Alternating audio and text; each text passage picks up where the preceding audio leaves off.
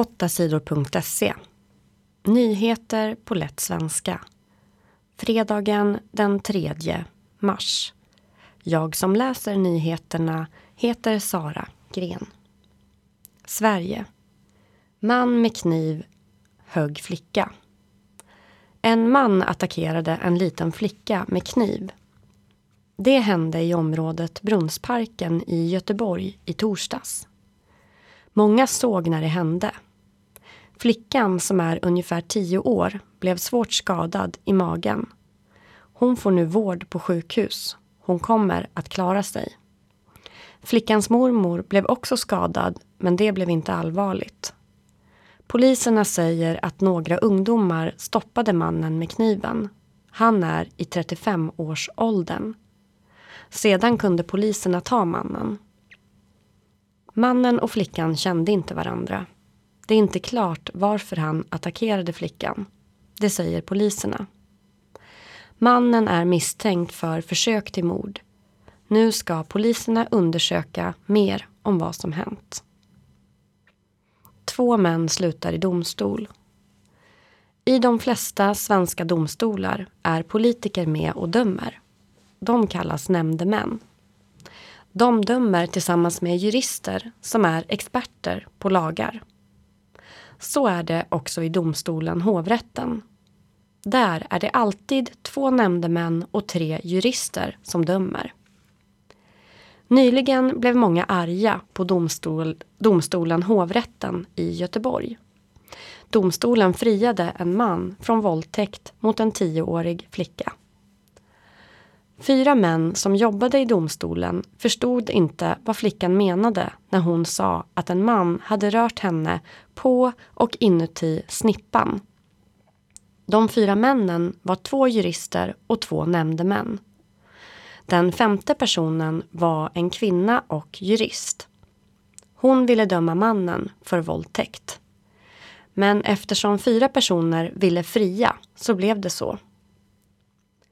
Fler än hundra personer har ringt till hovrätten och varit arga. De tycker att domen är fel. Nu väljer de två nämndemännen att sluta jobba med rättegångar. Myndigheten JO har fått många anmälningar. Det, de är från folk som tycker att domen är fel. De vill att domen ska undersökas. Men Erik Nymansson som är chef på JO kommer inte undersöka domen. Det är domstolarna som dömer i Sverige. Det står i lagen. JO kan inte ändra eller undersöka domen, säger Erik Nymansson. Världen. Snart har Indien mest folk. Om några veckor finns det 1500 miljoner människor i Indien. Det är fler än i något annat land i världen. Kina har länge haft flest människor men i april blir det fler människor i Indien. Det har organisationen FN räknat ut. Det kan betyda att Indien får bättre ekonomi. Fler företag flyttar till Indien. Många av dem flyttar från Kina till Indien. Där är det lätt att hitta unga människor som kan arbeta på fabriker. Det är idag svårare i Kina. Men Indien har problem. Det är stora skillnader och orättvisor i landet. I städerna finns många rika. De har stora bostäder och bilar. På landet använder fattiga bönder fortfarande kor för att dra plogar på åkrarna. Nästan 200 miljoner människor i Indien är fattiga. Sport. Vasaloppet är störst. Vasaloppet är världens största och äldsta tävling på skidor. Vasaloppet är alltid den första söndagen i mars. Många svenska åkare drömmer om att vinna Vasaloppet. Det är den mest kända tävlingen. Men de senaste tio åren har norska åkare vunnit bland herrarna. Förra året var en norsk åkare snabbast också av damerna.